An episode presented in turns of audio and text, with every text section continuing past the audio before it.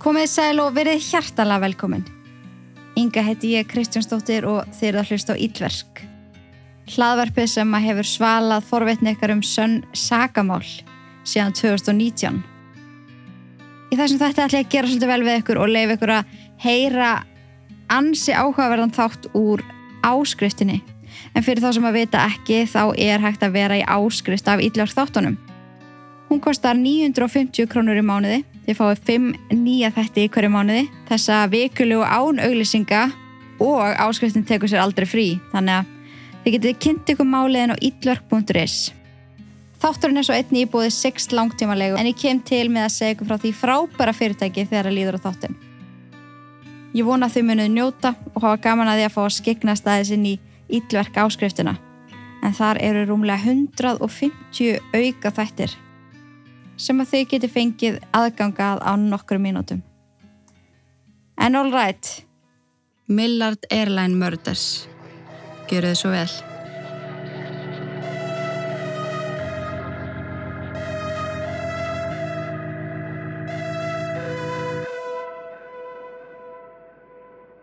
Klukkan var að ganga tíu, mánudagskvöldi 7. mæ árið 2013. Hjónin Tim og Sjarlín stóðu henni í eldúsi í algjöri byðstöðu. En Tim var búin að býða í rúma tvo klukkutíma eftir að hugsalugur kaupandi kemi og pröfukerði pick-upin sem að plani var að selja. Maður veit alveg hvernig það er þegar maður er að selja eitthvað og er að býða eftir kaupandanum. Þú getur einhvern veginn ekki gert neitt annað en að býða því að þú vilt ekki gleyma þér og fara að gera eitthvað annað og hægt á að missa viðkomandi. Þannig að þau standaðna og hingra eftir manninum sem ætlaði að koma að skoða. Teim spyr konuna sína, Serlín, hvort að henni finnist ekki ólíklegt að hann kæmi, fyrst að klukkan er orðin þetta marst. Og ef hann kæmi, hvort henni finnist hann eiga að fara með honum í pröfukessluna eða láta hann bara fá liklana. Serlín segi Teim að gefa honum korstir í viðbútt. Ef hann kemur ekki innan þess tíma, gæti hann sendt skilabúðin og sölusíðin eða reynda ringi hann. Kanski væri um eitthvað miskilling að ræða. Hún sá nú svo að það væri vissara að fara með þessum ókunna á manni. Maður veit ekkert hvað hann hefur í hyggju. Ef að þau vilja vera 100% vissum að fá bílinn aftur, ætti Tim að fara með. Sjarlín var varðla búin að sleppa orðinu þegar að hjónin sjá tvo menn koma fótgangandi upp innkeisluna þeirra. Þau litu á hvort annað frekar hissa á því að þeir væru fótgangandi. Þar sem að hverfi sem að þau byggu í staðsetti í Hamilton, Ontario í Kanada er svona frekar afskekt. Klukkutíma fyrir utan Toronto. Maður er ekki beint að ganga á milli bæjana. Þau veltuði líka fyrir sér hver hinn náungin var. En þeim vantaði að losna við bílinn. Hann var dýr í rekstri og þeim vantaði auka pening. Tim grýpur þá liklana af pick-upnum, kissir sér lín og ennið og segist koma aftur eftir smá stund. Hún horfir á eftir honum, gangaða mönnunum og heilsa þeim. Hann bendi þeim svo í áttina bílnum eftir stött spjall. Rettir öðrum manninum bílleiklana og svo setjast þeir allir þrýr inn í bílinn og keira í burstu. Það líða 20 mínútur. Svo 40. Svo 50. Sjarlín finnst þetta heldur langur pröfubíltúr. Hún ringir í gemsanast heim en fyrir beint í talhólf. Hún fann mjög óþægilega tilfinningu myndast í maganum. En reyndi að segja sjálfur sér að það væru gaurar. Það væri típist að þeim að prófa bílin á góðum malavegi eða jáfnvel á sandi. Þeir hljóta koma fljótlega. En hún vissi samt að Tim hlóð síma sinn um leið og hann kom heim úr vinnunni. Af hverju fór þó símtala henn að beint í talhólf? Einn og hálfur klukkutími leið. Tveir. Tveir og hálfur og nú kom að símanúmeri hans Tim væri utan þjónustusvæðis. Sjarlín ringdi í bestu vini Tim, fjölskyldumæðlimi og kunningja sem byggu í Toronto, en enginn hafði síðan eða heyrti honum. Rett upp úr miðnætti ringir Sjarlín á laurugluna. Hún gata ekki beði lengur og hún gata heldur ekki hrist af sér þess að ónóta tilfinningu. Þetta var eitthvað skrítið. Fljótlega eftir að Sjarlín ringir á neðalínuna mæta heim til hennar tveir lauruklumenn sem að setjast niður með henni og hún segja þeim hvað hafði átt sér stað. Tim hafi auglýst Dodds Ram pick-upin þeirra á sölu síðu Margir síndu bílnum áhuga og Tim var búin að skipilegja með mögulegum kaupendum að þeir fengi að koma og pröfu að gera bílinn. Þessi sem ætlaði að koma klukkan 7 hafi verið fyrstur en hafi nú heldur betur látið býða eftir sér og kom ekki fyrir en 20 mínútur yfir 10. Hann hafi komið fótgangandi á samt öðru manni og svo horði hún á það að keira í burstu frá húsinu. Síðan þá er liðin rosalega langu tími og það verið slögt á símanum hans Tim sem er mjög skrítið þar sem hún vissi að símin hans var full hlaðin. Við frekari upplýsingasöfnun um Tim sá lauruglu að hann var óskup vennilegur fyrirmynda maður. Hann bjóða þarna með eiginkonu sinni og ungri dóttu þeirra. Mætti í vinnu alla virka daga og sótti kirkju og sunnudöfum.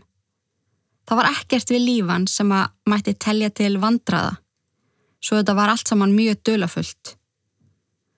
Um klukka nýju morgunin taldi laurugla best að leita til almennings.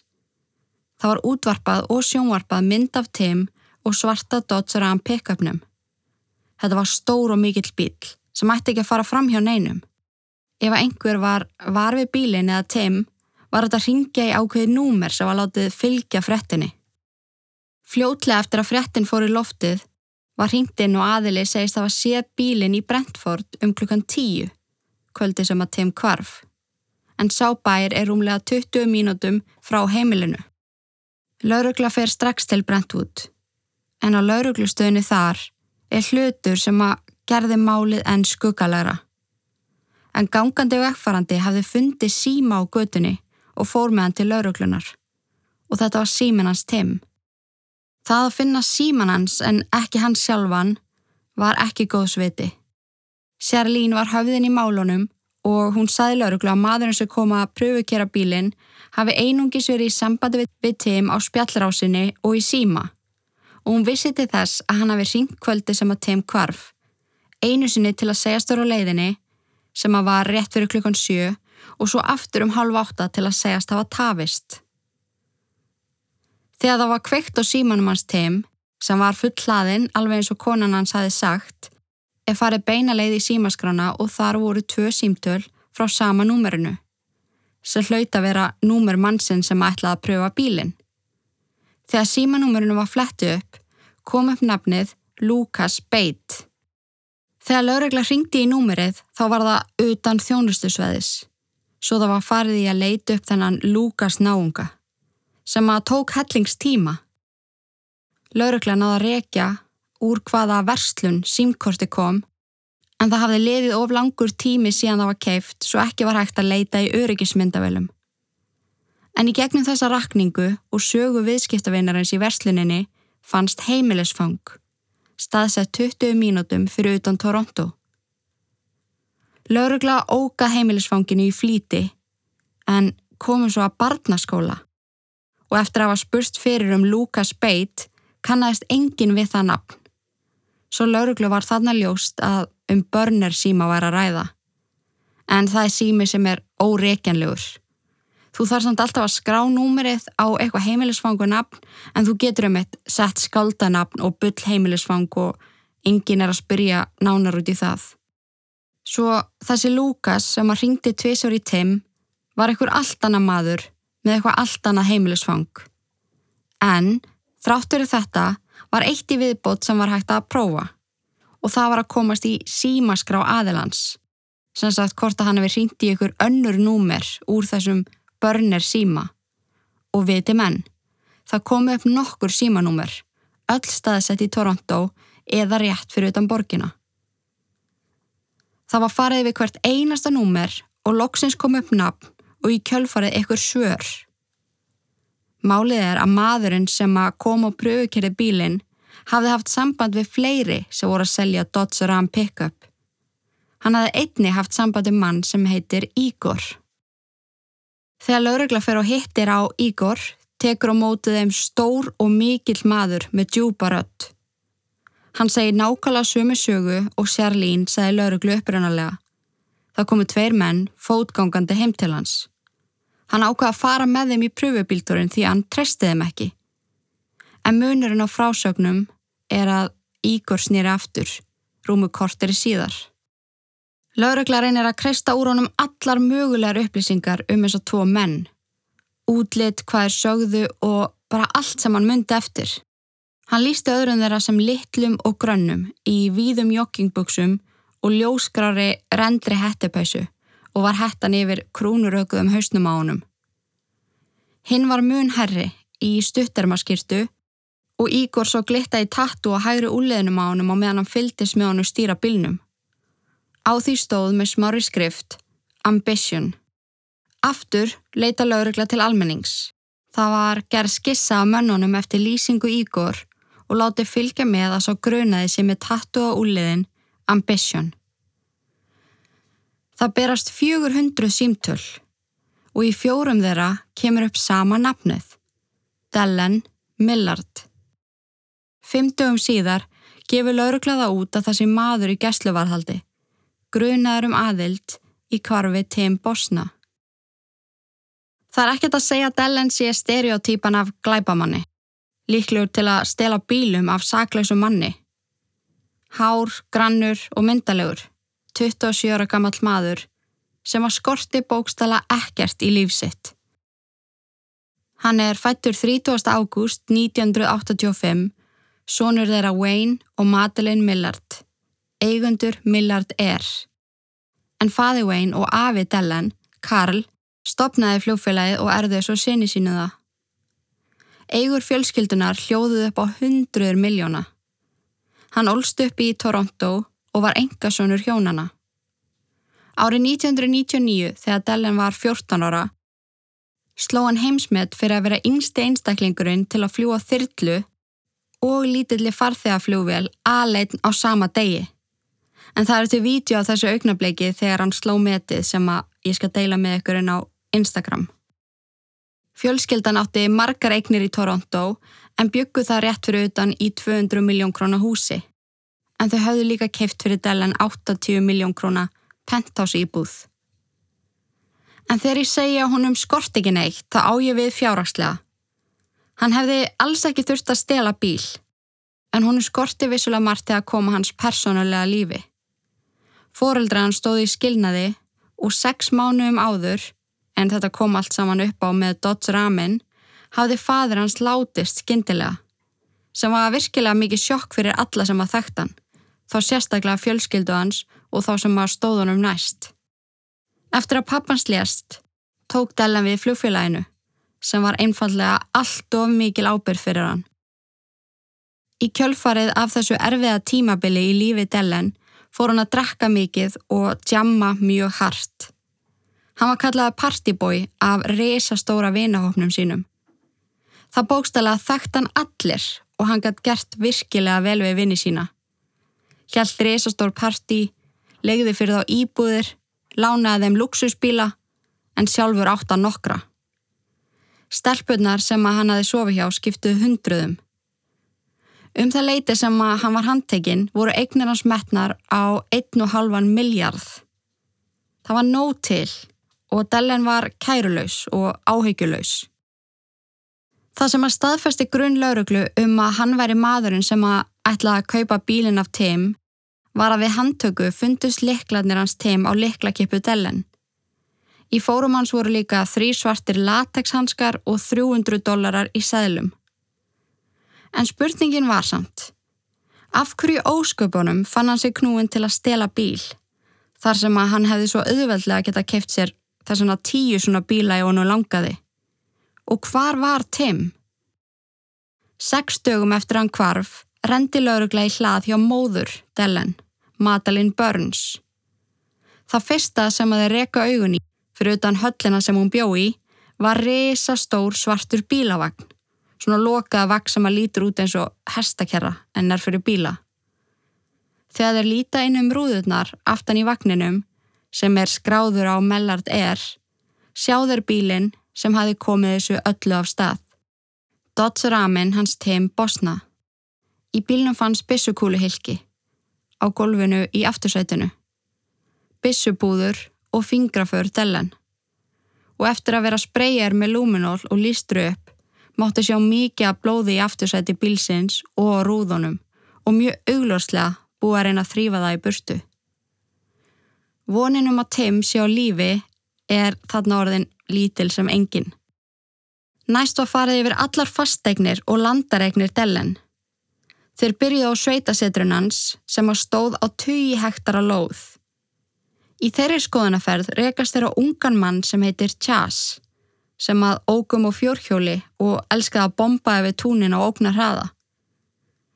Hann vissi að gægin sem átti landaregnina hér Dellen en hafði þó aldrei hitt hann niður tala við hann þótt hann hafi búið hann í nokkur ár.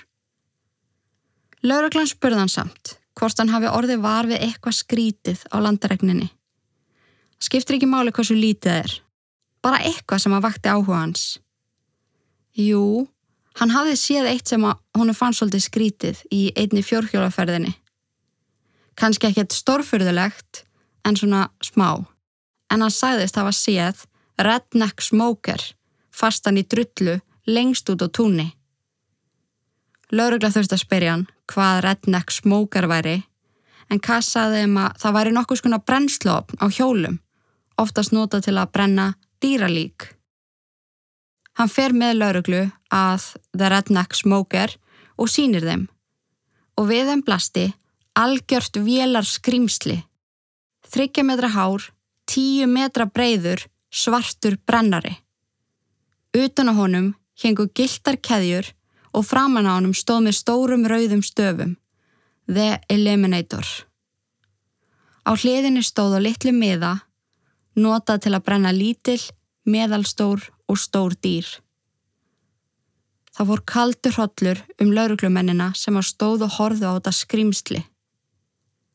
Þegar liti var inn í tækið sáu þeir ekkert en þegar botnin eða brennslu tunnan var lístu upp, mátti sjá eitthvað sem líktist beinflísum og tönnum. Við frekri rannsókt komi ljós að það var ekkert að ná DNA sínum úr þessum litlu flísum sem að fundust aðna. En eftir að eitt fremsti réttameinafræðingu Kanada var kallaði til, sami og bar kennsla líkamsleifar á sveitabíli Robert Picton eða Pigfarm Killer sem við höfum með mitt fjallaðum, en hann staðfestir að þetta væru mannabein og tennur. The Eliminator hafði verið notaður til þess að brenna mannesku.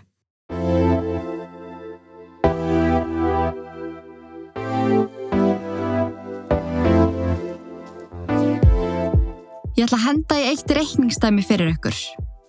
En ég bað mannesku sem að ég þekki sem að er um þetta að selja bílið sinn að taka saman hvað hún er búin að eigða miklu í bílinn mánalega og svona gróflega síðan hún fjekk hann. Ástafan fyrir því að ég er að taka hennardæmi er því að hún sagði orðrætt við mig í gerð. Sétt hvað ég væri til að ég hefði tekið bílalegu bílinn sem ég var að spá í. Því það er búið að vera mjög dýrst og perrandi að bæði halda upp í bílnum og svo selja hann. En reikningurinn byrja með að hún tekur bílalán en hún keipti sér árskamlan bíl Hún átti eitthvað um 900.000 sem hún hendi í útborgun og tók svo lán upp á 4 miljónir. Í hverju mánuði þá greiður hún 68.000 af þessu bílaláni. Svo þurft hún að eiga við bílaumbóðið sem að selja þessa bíla. Þar þurft hún að fara í þjónustu skoðanir og það er dýrst ef það þarf að gera eitthvað. Og ángríðins í hverskipti sem var einu sinni ári þá hend hún í 150 til 200.000 í bílinn í þjónustu skoðun. Ofan á það fannst henni umbóði glatað og þjónustan ekkit eðlilega ópersonlega og dónaleg. Svo voru það að dekja umgangarnir. Hún þurfti að skipta en rúðu, tvísvar, því það flög steitni í hana. Svo kom ljós í mælaborðið. Það var eitthvað að bremsuklossunum og það kostiði ákveða að fara að láta lesa af tölfunni í bílnum. Hún er lungu búin að eigða hátt í fjóru miljónum bara í þetta vennjulega bílahald. Svo á að selja bíli núna. Hún gerir það ekkit eins og að smyrja brauð. Hún þarf enþá að klára að borga bílalánið og bílinn er búin að falla í verði. Því að það er það sem bílar gera. Þetta er allt saman mjög óhagstætt þótt þetta sé gaman fyrir marga að kaupa bíla.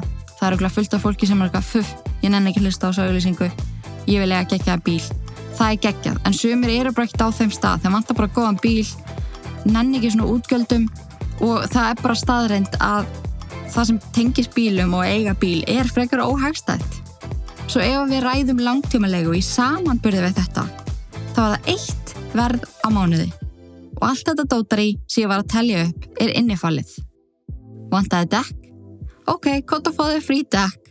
Fáðu bara kaffa með hann. Er eitthvað bila í bílum? Ok, kóta og við skulum laga það frítt. og þú far annan bíl á meðan hinn er í vikjörð. Elsniti á bílinn og þetta fasta verð á mánuði er það eina sem þú þarfst að spá í. Allt annað er coverað. Og svo skilar þú bara bílnum, farað annan nýrri eða byrjar á hjólræða lífstilum, bara það sem að henda þér. Ángríns, tjekkað á þessu. Segðu þeim upp í Sixt að þú hlustur á ítverk. Þá græði þau eitthvað geggjaðan díl fyrir þig. Sixt langtímalega. Ekkit eðlilega þægilegt.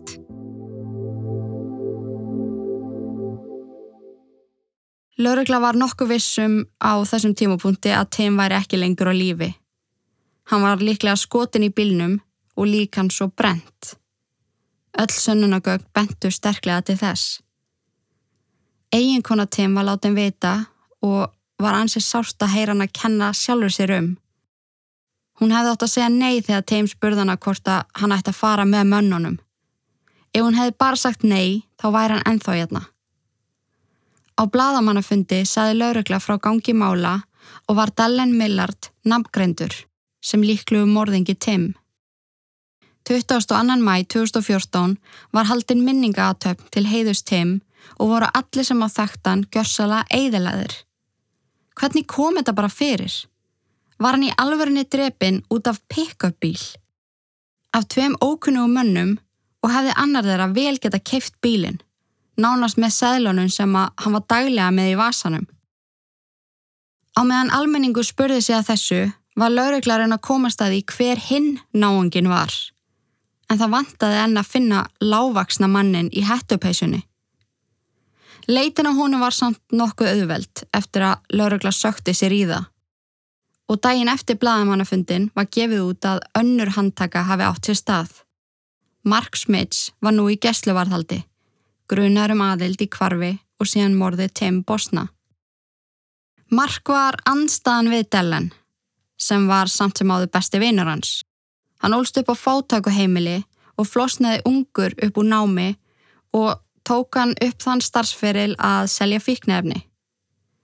Fram á þessu hafði hann ítrekka verið handtekinn fyrir að selja, fyrir að stila bílum úr verslunum og heimilum og hafði oft broti skilorð og þurft þess að sitja í vikur og mánuði í steininum. Hans helsti draumur var að verða rappari, en tekstar hans einkendust af miklu hatri, ofbeldi og samamátti segjum tónlistavídjóin hans sem hann tóku upp á samt vinum sínum. En í þeim var yfirlegt mjög mikið af gerfiblóði, ofbeldi og dauða. Fólk sem að þekkir til þeirra begja segir að Mark hafi litið mjög mikið upp til Dellen og hann hafi verið tilbúin að gera hvað sem er fyrir hann. Svolítið háður honum ef að svo má orðið komast. En með því að umganga stellen hafði hann aðganga hlutum og lífstíl sem að hann hefði annars aldrei efni á. Hann grætti á því að vera vinur hans og litla tíkin hans eins og sumir segja. Það komst einni upp á yfirborðið að þeir hafðu stundaða í mörg ár að stela bílum, stundum selduður þá en í mörgum tilfellum voru þau bara stelaðum til þess að eiðilegja þá. En í fórum þeirra fundust vídeo að þeim hoppa á milli bíla og brjóta rúðurna með kúpinni. Ástæðan fyrir pröfukeislunni og síðan morðin á Tim Bosna var líklegast í grunninn bara upp á gannið. Bara fyrir spennuna. Því að verðist ekki búa neitt mikið meira á bakvið, ekkert svona alminnilegt mótiv. Í gegnum þetta ferli eftir að nafn þeirra begja var gert ofinberst. Þá fekk laurugla aragrúa af símringingum með alls konar ábendingum. Flestar þeirra leittu ekkert en einn þeirra stakk alveg sérstaklega. Ábending um mannskvar sem hafi með tímanum orði kallt því að engar nýjar vísbendingar komi í ljós og vegna starfsferils einstaklingsinn sem að kvarf.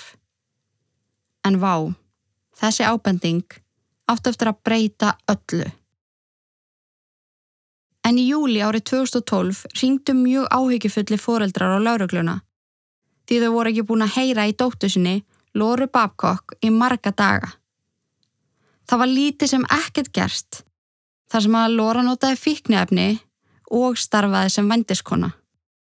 Þess vegna var talið að hún hafi hreinlega látið sig hverfa.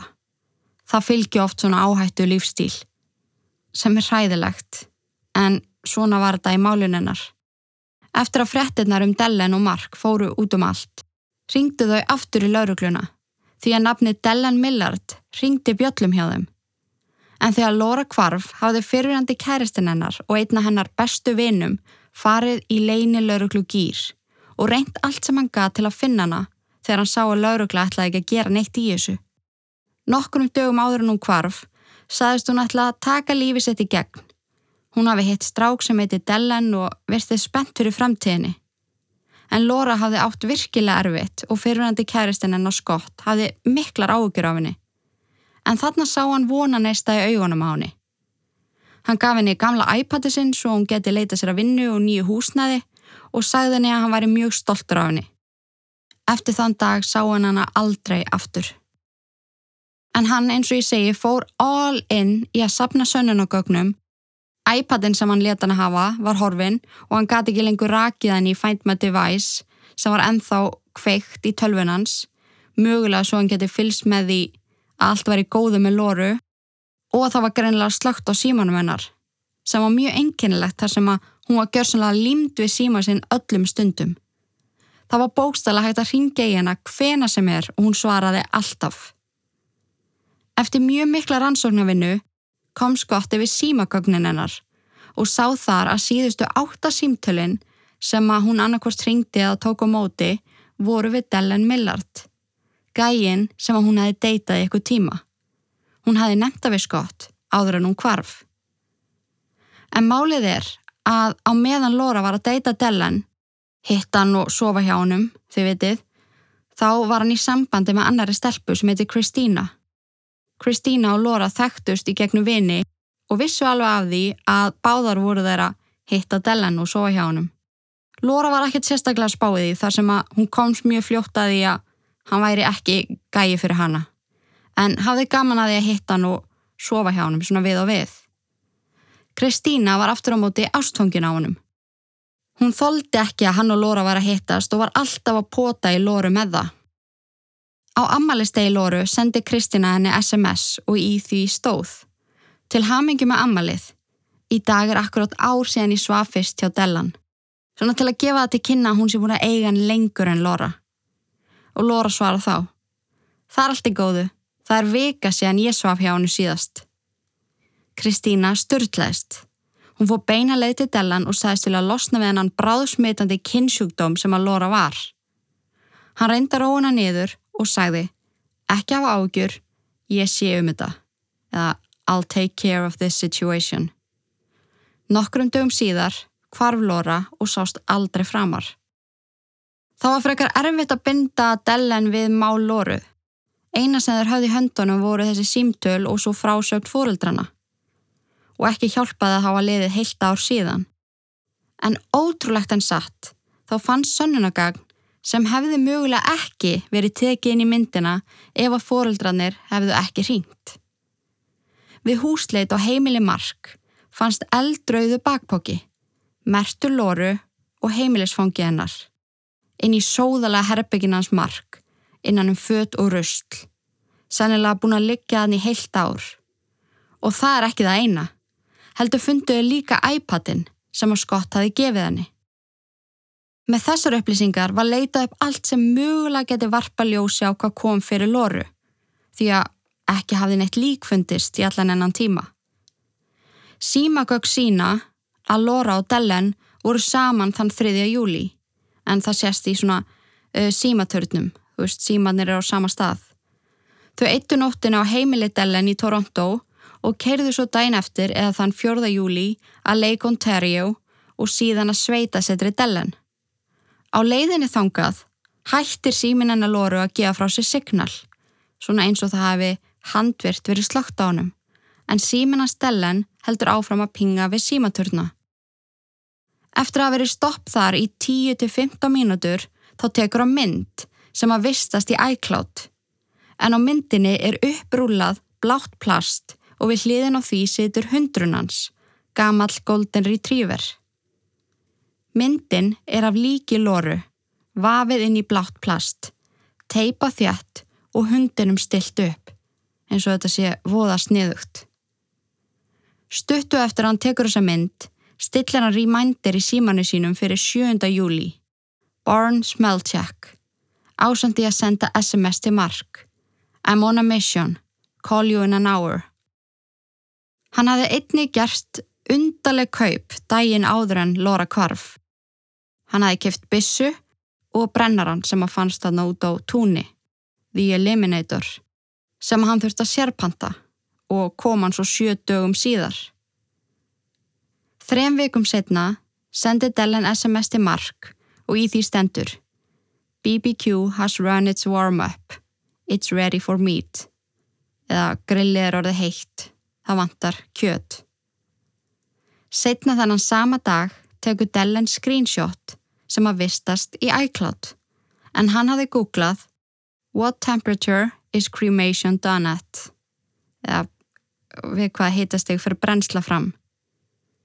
Um kvöldi þennan sama dag, líklast á meðan þeir voru að brenna lík lóru í brennaranum, tekur Dellen helling af myndum og vídjóum.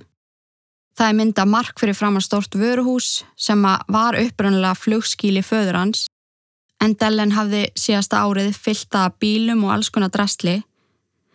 Það var mynd af mark með hrífu eða svona röku sem er líklega snotuð fyrir brennslófnin og á honum fyrir framann brennaran á meðan hann er í gangi.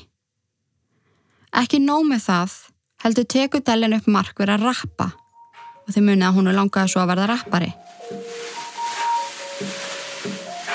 The bitch started off all skin and bone. Now the bitch lay on some ashy stone. Last time I saw her outside the home. And if you go swimming, you can find a phone. Find a phone? What? What? Find a phone. If you go swimming, you find a phone. Find a phone. Find a phone. You can find a phone. If you go swimming, you find a phone. Bitch, lay on some ashy stone.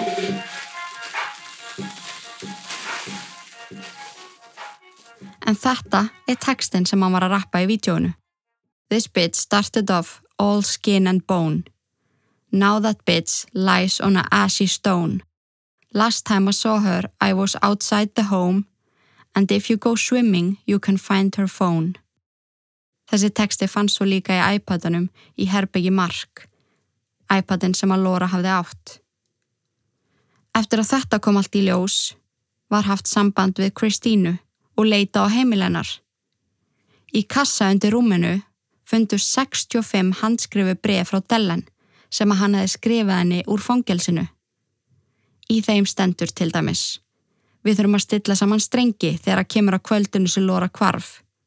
Ef að þú ert spurð, þá sástu Lóra auðvitað kvöld með mark og því gruni að hún hafi overdósað og hann hafi svo losað sér við hana.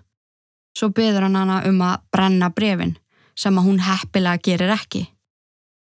Það voru komna nægar sannanir fyrir því að Dellen og Mark myrstu Lóru og brendu líkanar og átti dómur fyrir það eftir að bætast í dómin sem að var nú þegar í vinslu.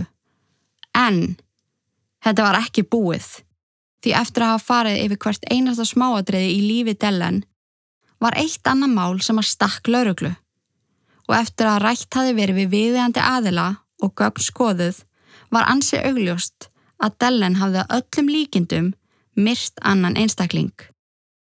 Seks mánuðum áður eða þann 29. november 2012 fekk lauruglein á bortið sín Mál Wayne Millard sem að fannst með skótsár í höfðinu, í rúminu sínu og við hliðans fannst bissa. Málinu var þó lokað mjög fljótt því að þetta var talið vera sjálfsvík. Dellen var sá sem að koma líkinu og saðan lauruglu að hann hafi dvali hjá vini nóttina sem að pappans tók sitt eigi líf. Starsmennum og öðrum kunningjum veginn var sagt að hann hafi dáið úr heila blóðfalli og vissu ekki næstu sex mánuði að hann hafi framið sjálfsvík. Dellen saði starfsmönnum og kunningjum föðu síns þessa sögu því hann óttaðist að grunnsemdi myndi vakna.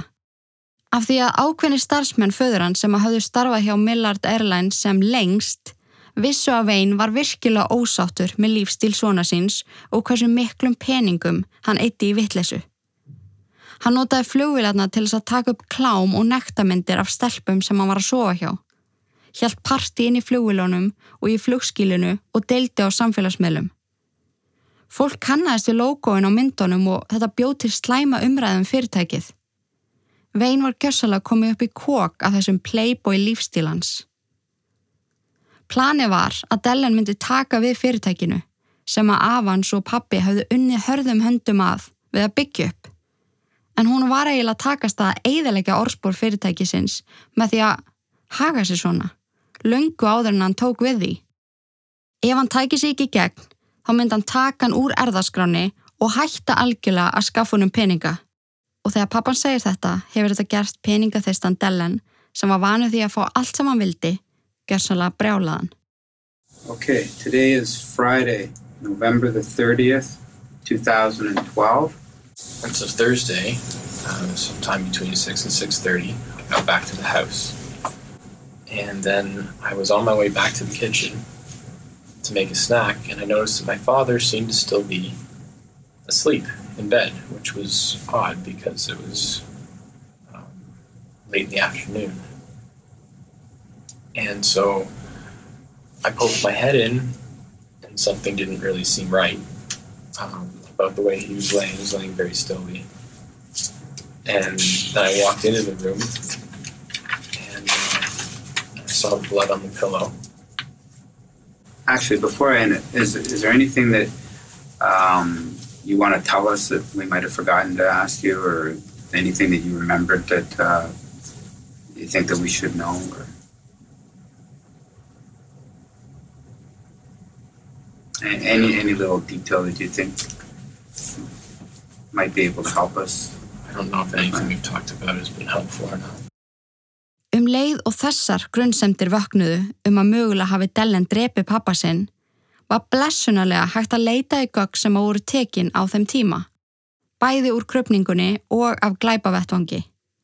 En það var til röngarmynd af höfði veginn sem að síndi kúluna sem fór inn um annað augað á honum og satt först inn í heilanum. Og bissan sem veginn notaði til að taka eigi líf var einni geimt. Á bissunni fannst DNA úr Dellen og Dellen hafði keift þessa bissu nokkrum dögum áður en Laura Babcock hvarf. En samkvæmt tímalínu er hún fyrsta fórnalambans og svo fyrsta sem var skotin með þessari bissu. Þegar það var farið tilbaka til þeirra sem að rannsökuðu máli á sínum tíma, þá viðurkennir sá sem að úrskurðaði í málinu að þetta hafi verið hans fyrsta mormál. Allir hafi sagt að þetta veri líklega sjálfsvík, svo hann taldi það vera rétt. En segir svo að það geti vel verið að reynsluleysi hafi orðið þess valdur að þetta var ekki skoða nánar. Og annað. Við krupningu var stróki af höndum veginn til þess að atua með byssupúður. Það var ekkert. Hverki á líkamannum á honum. Það var ekki einu sinni DNA úr honum á byssunni. Bara DNA úr dellen. Ég myndi segja að þetta veri dæmi um rosalega illa gerða vinnu. Reynsluleysið ekki. Þetta er gjössalega fáralegt. Ef það hefði verið rannsakað þetta almennilega, væri allafanna Tim ennþá á lífi. Dellen var aldrei yfirheyrður eða spurður frekar út í þetta. Það var ekki tekið strók af höndunum á honum og hann vakti einhvern veginn aldrei grunnsendi lauruglu eftir að pappans skaut sig innan gæsalappa. Þegar hann tilkynnti um hvað hefði komið fyrir var hann rólegur og yfirvegaður en samt ekki það yfirvegaður að það væri skrítið. Það dætt engum í hug að hann hefði geta gert pappa sínum þetta. Þrýr einstaklingar á einu ári, skipulögð glæpastarsemi og adrealín og peningafíkn. Þeim var svo slétt sama hver varð á vegið þeirra bara á meðan þeir gáttu haft allt nákvæmlega eins og þau vildu og þá aðalega dellen sem að gæt alltaf stólað á mark að standa með sér í öllu. Það var réttaði við þeim í sikkuru lægi og báðir fengu þeir 25 ár fyrir morðið á Lóru, 25 ár fyrir morðið á Tim sem er samanlagt 50 ár án möguleika á reynslu laust og svo fekk Dellen önnur 25 ár fyrir morðið á pappa sínum. Gæin mun aldrei nokkuð tíman líta dagsins ljós. Í réttuhaldunum kendu er hvort öðrum um. Darrell segist hafa verið í sjokki þegar Mark skaut Tim, en Mark segist ekki eins og hafa verið í bylnum. Vittni í réttuhaldum Mark, sem að voru tveir æskuvinnir hans, sem að leittust svona út á sömu braut og hann og keiftu reglulega ánum fíknefni, segja báðir að Mark hafi viðukent að hafa myrt stelpu, brent líkið hennar og stráði hann í Lake Ontario. Svo maður veit ekki alveg hvor gerði hvað, en það skiptir engu því að þeir voru saman í þessu og það eina sem skiptir máli er að þeir munu aldrei ganga frálsar aftur. Tim, Wayne og Laura fengur loksins réttlætið sem að þau áttu skilið. Þótt að lík Tim og Laura hafa aldrei fundist þar sem að líkin eru hreinlega ekki til lengur geta fjölskyldu þeirra allavega andað aðeins léttar, vitandi það að Dellen og Mark munu fá að rótna í fangelsi. Og Wayne, sá harduglegi maður sem að öllum líkaði svo vel við, fekk loksins sinn sannleika.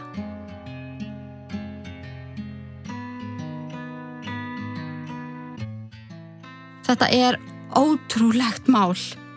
Það er svo magnað líka að skoða myndir á þessu öllu saman. Það er svo mikið til að þetta gerðist á svona okkar tímum þannig að það er ótrúlega mikið til af myndefni og vídjóm og alls konar. En ég mun að sjálfsögðu deilaði með ykkur inn á Instagram. Það er til dæmis til svo sætt mynd af Dellen fyrir fram á flugvel pappasins bara saklaus barn sem að ætlaði sér að verða flugmaður. Hvað ætli hafi klikkað í millitíðinni? Geta peningar í alvörinni gert fólk svona brenglað? Ég þarf nú eiginlega ekki að spyrja því samt ef ég pæli því með að við öll þau mál sem við um fjallaðum hérna sem að snúast um peninga.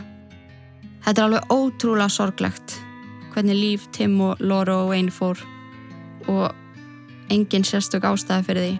En það var mjög áhugavert að fara yfir þetta mál. En þá segjum við það gott af þessu máli Millard Airlines Murders. Takk kærlega fyrir að hlusta, takk fyrir að vera til. Þúsund takkir fyrir að vera í áskriftinni og í guðanabænum forðistu öll ítlverk, nema þetta podcast. Verið sæl.